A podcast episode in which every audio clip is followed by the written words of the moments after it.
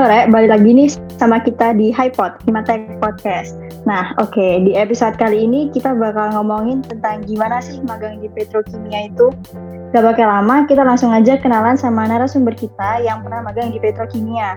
Mungkin buat Kanovan, boleh sapa dulu para pendengar HiPod. Oke, ini sapaannya HiPod apa nih? Teman-teman atau gimana? Oke, udah. Halo teman-teman, kenalin aku Novan Ari. Uh, kalian bisa manggil aku Novan Ya, jadi Kanovan ini bakal sharing-sharing sama kita tentang pengalamannya saat magang di Petrokimia. Tapi sebelum itu, di sini aku Sasa. Dan aku Sesa. Bakal nemenin kalian di episode kali ini. Oke, mungkin sebelum masuk ke pertanyaan-pertanyaannya, uh, jadi gimana nih Kak kabar Kanovan? Di mana kita tahu Kanovan ini sekarang merupakan mahasiswa aktif Teknik Kimia UPN Veteran Jawa Timur, juga mengemban tugas sebagai aspek OTK. Mungkin bisa diceritakan Kak kabar dan kesibukan Oke, okay, thank you. Uh, kalau kabar alhamdulillah puji Tuhan uh, baik-baik aja, sehat-sehat juga. Untuk kesibukan hari, untuk kesibukanku itu yang pertama pasti aku masih menjadi mahasiswa aktif semester 8 jurusan teknik kimia di Universitas Nasional Jawa Timur. Lalu yang kedua ada tanggung jawab juga mengemban sebagai asisten laboratorium operasi teknik kimia. Dan yang terakhir lagi menjalankan inter juga di salah satu APC company terbesar dan uh, especially-nya dia itu di oil and gas di Indonesia. Udah, itu aja. Oke kak, jadi di sini kita punya beberapa pertanyaan nih kak. Uh, pertanyaan yang pertama itu kakak di sana itu magangnya berapa lama kak? Oke, uh, untuk magang jadi di si di sana aku tuh magang ya. Jadi magang ya bukan PKL ataupun kerja praktek, tapi di sana itu aku magang. Nah, aku magang sendiri itu uh, di PT Petring Indonesia itu selama lima bulan dari bulan Agustus sampai bulan Januari 2022. Berarti cukup lama juga ya kak ya lima bulan. Hmm, untuk itu termasuk lama sih.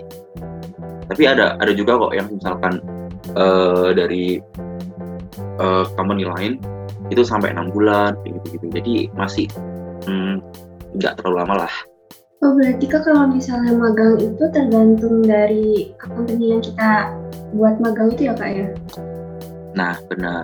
Jadi gini teman-teman harus tahu uh, bedanya magang sama PKL atau kerja praktik sendiri itu apa. Nah kalau magang ini biasanya dia itu lebih ke paid internship. Jadi dia itu lebih dibayar yang pertama. Kalau yang kedua itu biasanya dari pihak company-nya itu dia yang rekrutmen. Jadi dia kayak semacam dia yang open recruitment, bukan kita yang ngajuin sebuah proposal. Nah, kalau misalkan kita yang mengajukan sebuah proposal, itu namanya masuknya ke PKL atau kerja praktek. Itu sih kalau di teknik setahu ya, begitu. Oke kak, lalu kalau kakak di sana itu saat magang itu di bagian apa ya kak? Terus kerjanya itu seperti apa kalau boleh tahu?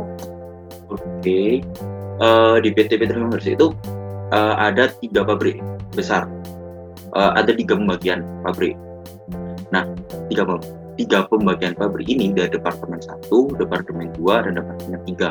Nah, kebetulan aku departemen dua, khususnya di departemen 2B. Jadi departemen produksi 2B, yang mana di produksi 2B itu kurang lebih ada tujuh pabrik di sana. Nah, di sana itu untuk produksi 2B itu dia itu lebih memproduksi di pupuk NPK Ponska maupun NPK Kebomang. Itu nah untuk bagiannya sendiri karena kan kita tahu ya kalau misalkan seorang teknik kimia ini itu kan jadi proses engineer. Nah, kita di sana juga sebagai proses engineer. Kayak gitu. Jadi di Departemen Produksi 2B kita itu uh, khususnya saya, khususnya aku itu uh, magang di proses engineer internship kayak gitu. Oke, oke. Makasih, Kak. Oke, oke, sama-sama. Oke, untuk pertanyaan selanjutnya Kak, kalau untuk magang di petrokimia sendiri, Kak Novan tuh gimana sih dapat infonya? Apa dari MBKM atau coba cari-cari sendiri? Oke, okay, uh, aku itu ini uh, intern hunter. Jadi dari semester 5 itu aku suka banget yang namanya apply apply magang. Entah itu magang yang kaitannya dengan Kemendikbud, entah itu ke magang yang nggak ada kaitannya sama Kemendikbud. Maksudku entah magang itu yang nggak ada Kemendikbudnya itu jadi magang mandiri tapi tetap paid internship. Oke. Okay? nah kalau misalkan case nya di PT Petroleum Bersih ini aku kebetulan masuk di Kemendikbud di MPKM gitulah. Terus kok aku tahu sih infonya itu kebetulan ini lucu sih. Jadi waktu itu tuh lagi scroll TikTok. Lagi scroll TikTok tapi tiba-tiba itu ada uh, kayak info kalau misalkan lagi buka magang itu sekitar seribu. Sekitar seribu atau lebih buat posisinya. Entah itu di company apa sampai apa. Nah itu aku cek. Eh kebetulan ada PT Better Indonesia. Ya udah aku daftar. Itu tapi sebelum itu aku itu uh, dari semester 5 itu udah nyoba-nyoba daftar. Aku ingat banget pertama kali aku daftar itu di PT Aneka Tambang. Itu dia buka. Dia buka aku daftar tapi aku nggak keterima. Nah dari situ aku daftar lagi daftar lagi.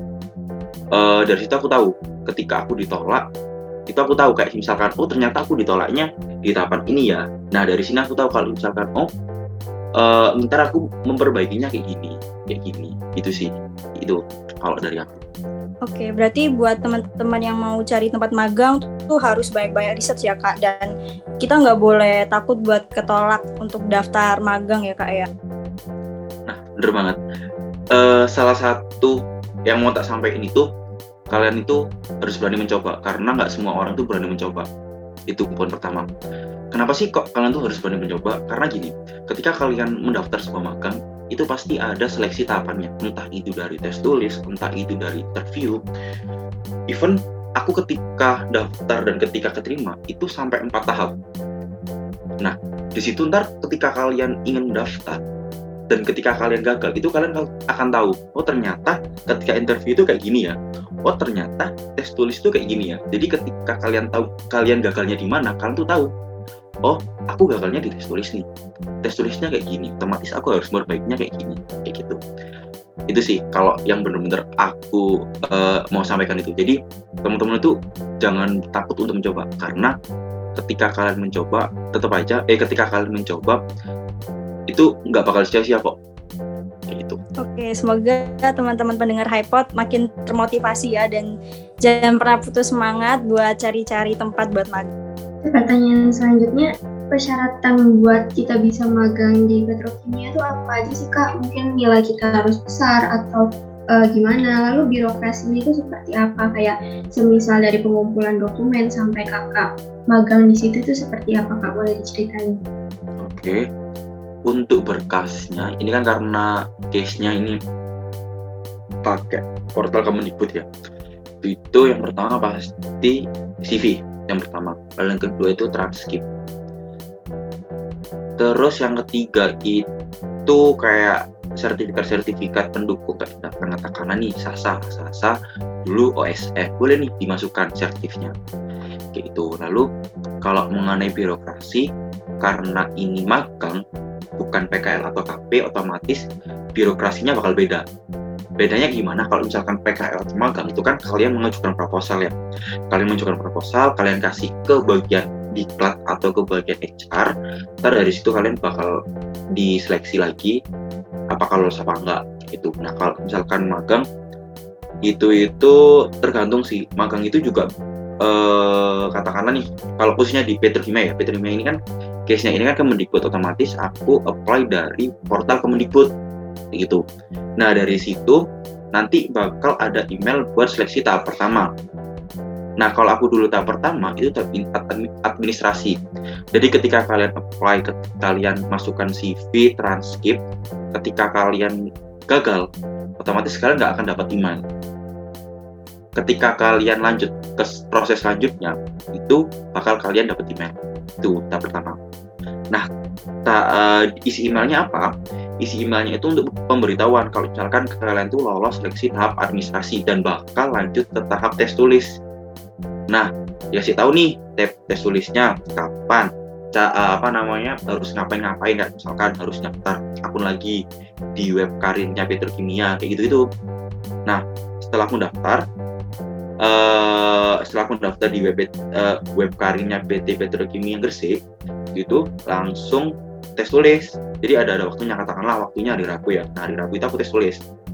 Nah tes tulis sudah tes tulis selesai. E, dua kalau nggak tiga hari itu itu pengumuman untuk tahap selanjutnya. Tahap selanjutnya itu kalau aku yang tahap tiga itu interview HR Nah di interview HR itu kalian tuh lebih ditanyain mengenai kepribadian kalian. Itu. Nah habis di interview HR, kalau misalkan kalian lolos lagi itu bakal di interview user.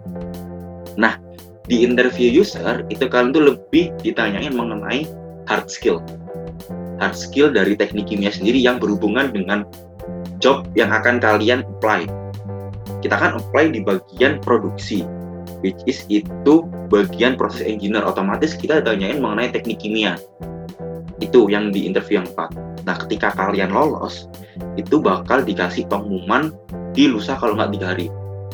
Nah dari kesimpulan 4 ini uh, di PT uh, di magang BTP Training Gresik khususnya menggunakan portal Kemendikbud kalau tahunku aku kan batch pertama ya itu menggunakan sistem gugur. Dia katakanlah tahap pertama kalau kalian nggak lulus nggak bakal dapat email selanjutnya. Gitu. Itu sih kalau dari aku Oke, aku mau nanya tips dan trik dari kakak supaya bisa lolos itu apa aja sih kak? Ini kan pasti menginspirasi banget ya buat semua pendengar HiPod. Uh, tips and trick ya. Kalau menurutku lebih ke prepare yourself sih, kayak prepare sebenarnya kalian prepare. Jadi jangan setengah-setengah. Kalau kalian mau mencoba dan uh, diberi kesempatan jangan pernah menyia-nyiakan kesempatan itu karena nggak semuanya kesempatan yang kalian dapatkan itu semua orang juga dapat. Kayak gitu. Terus untuk tap, uh, untuk tipsnya otomatis yang pertama pasti CV CV kalian harus dibagusin kayak entah itu kalian harus organisasinya kalian kencengin entah itu IPK-nya akan kalian tambahkan. Maksudku IPK-nya kalian tinggi.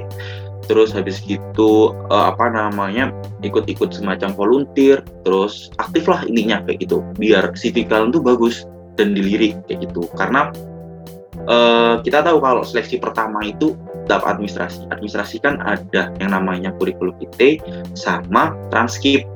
Otomatis mau nggak mau kalian harus bagusin dua ini. Tuh kalau di seleksi administrasi.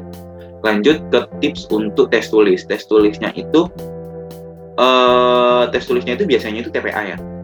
Jadi kalian kalau aku dulu sih kayak aku dulu itu ngeprint ngeprint soal TPA sih. Jadi kayak sebelum katakan nih lusa lusa itu mau tes. Nah hari ini sampai lusa uh, hari ini sampai besok aku belajar terus buat tes tes TPA-nya itu.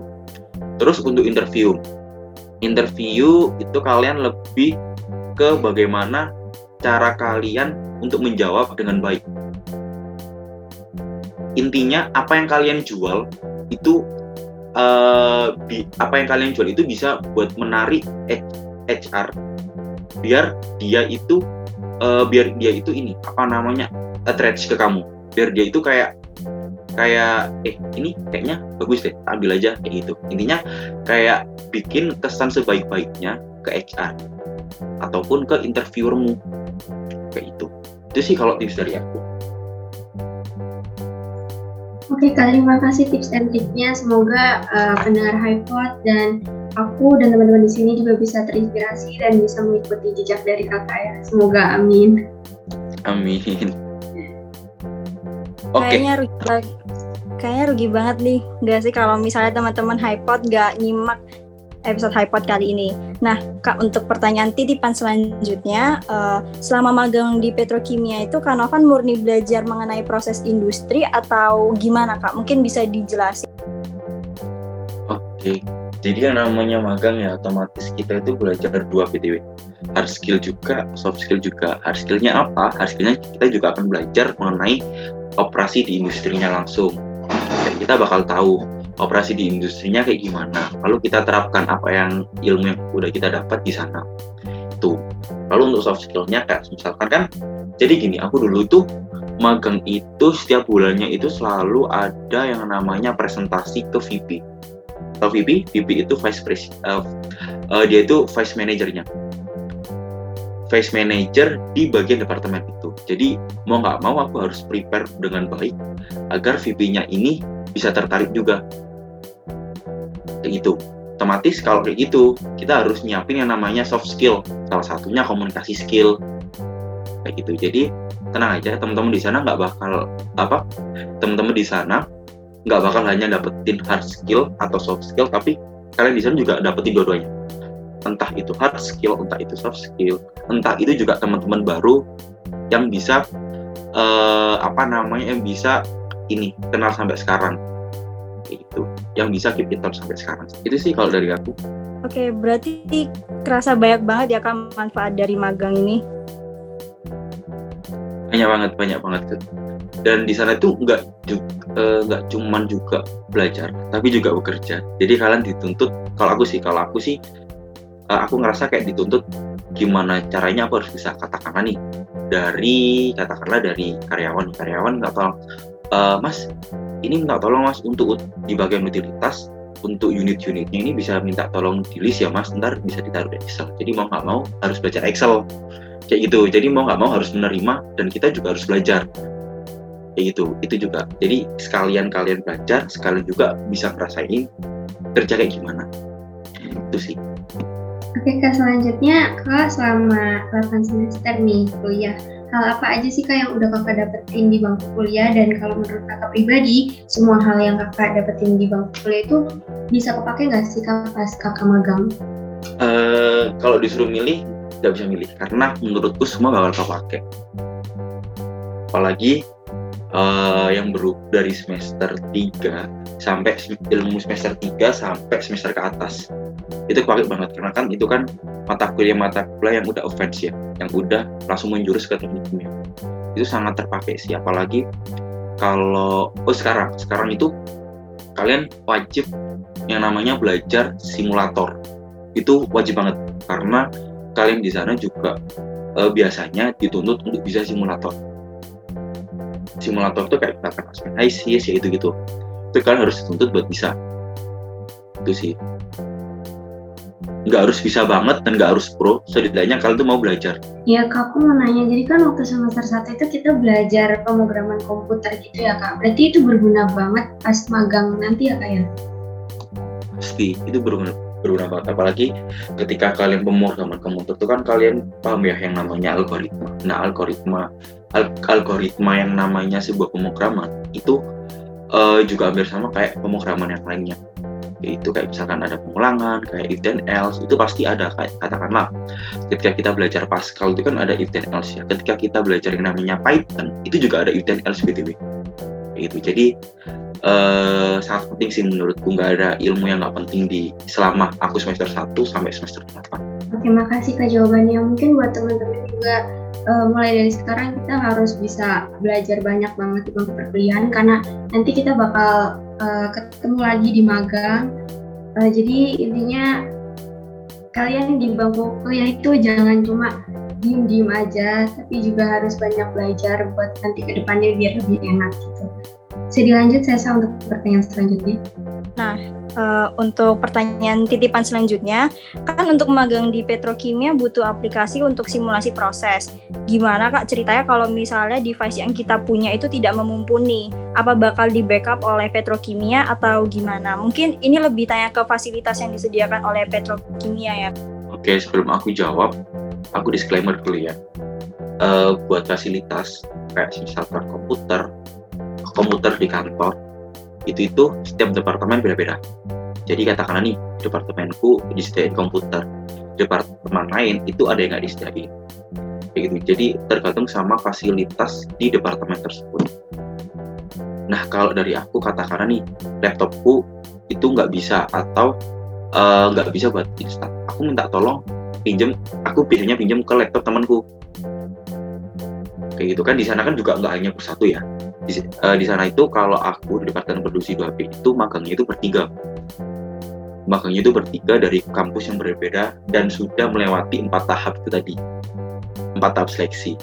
Nah tiga-tiganya ini uh, otomatis kan semua pada bawa laptop ya. Jadi aku biasanya kalau misalkan laptop nggak bisa aku pinjam laptop temanku yang satunya ke laptopnya. Kalau misalkan dari tiga-tiga laptop ini nggak bisa biasanya pakai komputer di sana ada komputer soalnya.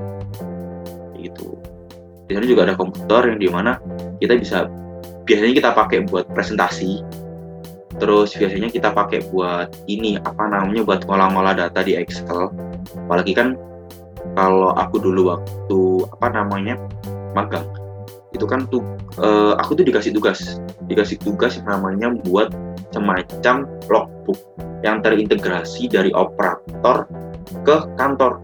Jadi tanpa tanpa apa ya? Tanpa atasanku datang ke kak tanpa atasanku turun langsung ke pabrik itu datanya otomatis langsung masuk. Nah itu. Dengan backgroundku yang teknik kimia dan nggak bisa sama sekali. Maksudku eh, nggak ada background sama sekali buat membuat suatu aplikasi itu aku jadi belajar buat aplikasi. Dan alhamdulillah sampai sekarang terpakai aplikasi yang gue buat tuh. Jadi nggak ada kata nggak bisa kalau misalkan teman-teman mau mencoba. Oke, terima kasih Kak. Berarti ini uh, tergantung tergantung dari tempat kita magang ya Kak. Kebijakannya berbeda ya Kak ya tiap-tiap tempatnya instansinya gitu ya. Nah, lebih tepatnya ini sih tergantung sama departemen produksinya ya. Kalau misalkan departemen produksinya itu ada komputer, coba komunikasikan ke mentor atau ke atasan pak boleh nggak ini komputernya saya pakai? Mau saya buat install? Kayak gitu. Selama masih uh, selama masih linear dengan tugas kalian ya katakanlah kalian sim kalian kan tech team simulator. Nah kalian pakai komputer itu juga buat kebutuhan kantor kebutuhan kerja gitu. Jangan yang lain. Itu sih Cesar oke oke. Makasih kamu jawabannya Oke, untuk Kanovan, aku ada pertanyaan lagi nih, Kak. Apakah ada potensi langsung diangkat menjadi tenaga kerja tetap di instansi terkait ketika kinerja kita saat magang itu baik, Kak? Jawabannya sangat tidak mungkin, karena kembali lagi, uh, untuk saat ini ya, saat ini kan menterinya dipegang sama Erick Thohir. Erick Thohir ini kalau misalkan katakanlah uh, ada banyak perusahaan BUMN yang sama-sama memproduksi sama katakanlah di pupuk. Pupuk sendiri kan dari petrokimia Gresik ada pupuk terus Pusri ada pupuk. Nah itu dijadiin satu holding sama dia. Nah kalau misalkan untuk jawabannya uh, untuk untuk soal yang pekerjaan tetap di petrokimia jawabannya tidak sama sekali. Karena karena kalau misalkan ini case-nya karyawan organik ya, karyawan organik. Jadi karyawan organik itu yang bukan outsourcing. Karyawan organik itu benar-benar dari BUMN-nya dari uh, kalau menurutku dari BUMN-nya langsung. Jadi nunggu BUMN perintah dari Kementerian BUMN itu bilang kalau misalkan uh, bilang ke PI, kan nama holdingnya ini PI ya, Pupuk Indonesia. Jadi dia bilang ke PI dulu, PI ini waktunya buka buka oprek karyawan. Nah, baru dari itu infoin ke anak perusahaannya kayak misalkan Petro, Pusri gitu gitu. Itu yang buat sekarang. Terus kalau misalkan ditanya buat uh, extend, jadi kan kalian kan kalau katakanlah nih, Sasa, Sasa udah magang 6 bulan. Nah, kemungkinan di extend untuk memperpanjang magang itu bisa bisa bisa sekali karena uh, sambil kalian menunggu uh, sambil kalian menunggu kerja langsung, katakanlah kerja apa ya kerja kerja kan magang itu magang magang di Petro itu kan ada dua ya PMB sama BKM. Nah kalau PMB itu kan dia kan untuk yang semester 7 sama untuk fresh graduate. Nah kalau misalkan kalian udah fresh graduate nih terus kalian pengen nyari pengalaman salah satunya magang magang di Petro eh keterima. Nah ketika kalian udah menyelesaikan enam bulan itu ada kemungkinan untuk potensi enam bulan karena uh, uh, ketika kalian di extend itu katakanlah enam bulan ya enam bulan terus di lagi enam bulan. Nah nanti itu sambil kalian menunggu pekerjaan tetap kalian selain di PT Petroleum Bersih kan bisa mendapatkan cuan di magang PT Petroleum Bersih jadi sambil sambil kalian magang sambil kalian dapat cuan juga kan jadi kan nggak nganggur. Apa nggak sih? Jadi jadi kayak nggak nganggur ketika kalian lulus ya udah nggak apa-apa magang dulu nyari pengalaman dulu dibayar juga ya why not di sekolah. Oke kak, jadi kan aku di sini masih awam banget ya kak tentang dunia kerja itu seperti apa, nanti magang itu seperti apa. Kalau menurut kakak sendiri ya, kalau misalnya kita bekerja dengan baik dan maksimal di magang itu, manfaat yang kita dapatkan itu apakah? Secara kan tadi kakak bilang itu kalau misalnya kita udah bekerja maksimal dan dengan baik, kita belum tentu ditarik dan kemungkinannya terlalu kecil untuk ditarik ke instansi tersebut. Jadi manfaat yang kita dapatkan itu apa kalau menurut kakak? Oke, kalau misalkan hmm, di, di hire ya, aku bilangnya hire ya. kalau di hire di company petrokimia Gresik itu sangat kecil. Tapi kalau misalkan di company lain itu uh, untuk tingkat hire-nya itu berbeda-beda. Ada katakanlah kalau kalian magang ya, kalian magang terus kalian kualitasnya bagus. Bisa juga kok kalian langsung diakan jadi pegawai tetap. Tapi bukan company di PT Petrokimia Gresik, di selain PT Petrokimia Gresik. Itu manfaat yang pertama, otomatis kalian juga dapat peluang untuk uh, karyawan juga cuman nggak langsung eh cuman tergantung sama company masing-masing apakah dari dia magang langsung ditarik apakah ketika company itu buka suatu outbreak karyawan terus ada pengalaman pengalaman magang di situ itu kan juga dapat nilai lebih ke perusahaan yang pertama lalu yang kedua kalau aku pribadi ya aku pribadi uh, manfaatnya aku lebih ke branding diriku sih. Kenapa sih kok branding? Karena jujur ya ketika aku dulu masuk UPN itu aku ngerasa kayak misalkan uh, kenapa sih kok UPN itulah intinya itu uh, kenapa otomatis ketika kalau misalkan UPN dibanding dengan kampus yang lain itu kan beda ya. Katakanlah top 10 top 10 itu kan beda peluangnya dia masuk di perusahaan yang bagus. Nah ketika aku ngerasa ini tuh uh, ketika aku ngerasa itu terus aku mikir gimana ya caranya aku nge-branding diriku biar sebagus mereka meskipun univku PN. Nah, salah satunya aku ikut magang. Nah, makanya kenapa kok aku menaruh branding itu penting di manfaat itu ya karena itu tadi. Karena menurutku ketika kalian e, ngerasa kalian itu nggak cocok, tapi kalian punya value lebih, itu bakal menjadi nilai plus. Karena e, pengalaman kerja teman-teman, pengalaman teman-teman itu lebih apa namanya ini loh, lebih kayak anak ini siap deh untuk kerja karena dilihat dari pengalaman. Makanya banyak nih kayak gitu. Paham kan yang tak maksud? Nah kayak gitu. itu sih kalau aku untuk manfaatnya. Lalu yang terakhir pasti manfaat uh, untuk depannya kan. Kayak misalkan uh, hard skill yang udah dapat di tempat itu soft skill yang udah tempat itu itu bisa aku terapkan di kehidupan sehari-hari gitu. nggak di kehidupan sehari-hari aja sih nggak di kehidupan sehari-hari aja sih bisa aja di kehidupan untuk setelah aku langsung uh, ketika aku kerja nanti. Itu sih Sasa kalau dari aku. Oh iya oke okay, kak. Berarti uh, itu tergantung sama company terkaitnya ya kak ya? Benar benar benar. Oke okay, oke. Okay. Makasih kak jawabannya. Oke okay, sama-sama. Oke, untuk pertanyaan selanjutnya, lima bulan magang itu bukan waktu yang singkat kan kak? Mungkin bisa diceritain suka duka selama magang di petrokimia itu seperti apa kak? Oke, suka duka. Dukanya kalau kalian nggak bisa, itu pasti yang pertama kalian malu sama temen temen kalian. Kalau aku sih, kalau aku kalau aku nggak bisa ya, terus dua temanku bisa, aku bakal malu. Itu salah satu duka. Karena kan uh, masuk situ juga uh, masuk magang di situ juga susah karena ada empat tahap. Otomatis kalau misalkan aku nggak bisa bersaing dan aku nggak bisa survive itu kan kayak malu ya. Uh, diriku juga malu kampusku juga malu kayak gitu. Itu salah satu duka sih kalau misalkan kalian nggak bisa. Lalu kalau duka yang benar aku alami itu nggak ada sih untuk sejauh ini. Kalau suka sih banyak ya. Yang pertama pasti uh, ini bersyukur banget sih bisa dikasih kesempatan buat magang di sana. Karena kan juga nggak mudah nggak semua orang juga bisa mendapatkan kesempatan itu. Itu yang pertama. Lalu sukanya yang kedua aku bisa punya relasi banyak. Relasi dari teknik kimia seluruh Indonesia. Dari mulai Institut Teknologi Bandung dari UGM dari Unsri dari UPN sendiri terus dari Polinema juga. Jadi dari situ kayak aku tahu oh ternyata kampusnya tuh kayak gini ya oh ternyata uh, kemampuannya itu kayak gini ya. Jadi aku tahu ketika nanti uh, apa namanya kayak aku ngerasa eh ternyata di kampusku itu belum belajar belum belajar ini loh. Nah itu aku bisa belajar ke mereka. Itu.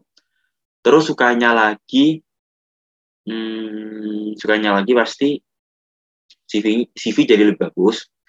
Lalu apalagi ya dapat cuan. Apalagi ya. Udah sih itu aja kalau dari aku untuk suka sama dukanya. Berarti kalau sudah selesai magang dengan baik bakal kerasa bangga banget ya kak ya karena selama magang kan kita bawa nama baik alma mater, terus bisa dapat banyak manfaat, terus bisa mempersantik CV gitu ya kak ya. Bener bener banget, bener banget, bener banget, serius. Oke Kak, ini pertanyaan terakhir nih Kak. Ini kan dari tadi para pendengar HiPod udah pasti uh, tertarik banget dengan obrolan kita ya Kak ya. Uh, boleh dong nggak tolong kasih pesan dan kesan buat angkatan bawah yang belum magang ataupun bahkan yang sedang magang, uh, apa pun itu, pokoknya kesan-pesan dari kakak pribadi untuk mereka. Yang pertama, yang aku bener-bener highlight, itu jangan pernah takut untuk mencoba. Itu. Uh, value kalian itu juga sama kok sama value teman-teman kalian di kampus yang lain. Tergantung bagaimana cara kalian menampakkan value itu dan bagaimana cara kalian untuk uh, menggali value yang, yang ada di diri kalian. Itu yang pertama. Lalu untuk yang kedua, pesennya nggak ada kata nggak bisa ketika kalian katakanlah nih kalian dikasih tugas dan kalian tuh nggak bisa dan belum belajar itu itu jangan pernah putus asa tuh lalu yang ketiga ini sih kalau aku sih uh, mungkin bisa nyimpulin mungkin kalian bisa nyimpulin sendiri ya kalau aku dari dulu itu uh, punya prinsip itu kayak growth by learning jadi ketika aku ingin berkembang ketika aku ingin uh, mengimprove diriku lebih baik itu kuncinya cuma satu mau belajar karena ketika kalian ingin berkembang lebih baik, itu butuh yang namanya pembelajaran. Entah itu pembelajaran dari masa lampau, entah itu pembelajaran yang akan bermanfaat di in the future. Itu sih kalau dari aku. Mungkin um, mohon maaf sebelumnya kalau misalkan dari penjelasan awal podcastku sampai sekarang ini terlalu belibet. Mungkin teman-teman bisa uh, mengambil, uh, bisa menyimpulkan sendiri. Kalau misalkan masih perlu ada yang mau tanyain, feel free kalian bisa mengotak aku uh, di LinkedIn sih. Mungkin teman-teman bisa search aja LinkedIn-ku Novanto Anugroho. Itu sih. Oke Kak, terima kasih banyak atas pesan dan kesannya. Semoga para pendengar HiPod bisa menerima pesan dan kesan dari kakak dengan baik dan bisa diambil juga hikmahnya. Dan jujur ini inspirasi banget buat aku sendiri. Uh, ya semoga nanti aku bisa ngikutin jejak kakak juga dan terima kasih buat semua masukannya. Intinya benar-benar menginspirasi banget. Terima kasih ya, Kak. Oke, sama-sama. Kamu nggak peres kan ya, Sarsa? Enggak, Kak. Beneran ini mah, Kak. Oke, oke. Oke, oke. Terima kasih, Kak. Oke, sama-sama, Salsa. Ya, setuju banget sama Sasa. Kalau episode Hypod kali ini benar-benar bermanfaat, benar-benar sangat memotivasi kita semua ya. Oke, baik. Kan Navan, terima kasih telah menyempatkan waktunya buat ngobrol bareng kita-kita di Hypod. Semoga kuliahnya lancar dan semoga semua tugas-tugas yang diemban berjalan lancar. Oke, sama-sama. Oke teman-teman, itulah tadi podcast bersama Kanovan yang pastinya menarik banget nih untuk disimak. Jangan lupa buat follow akun Instagram, YouTube, dan Spotify-nya Himatek ya karena HiPod bakal di-share di tiga platform tersebut. Baik, sampai di sini HiPod episode kali ini. Nantikan HiPod episode selanjutnya setiap dua minggu sekali di hari Sabtu. See you!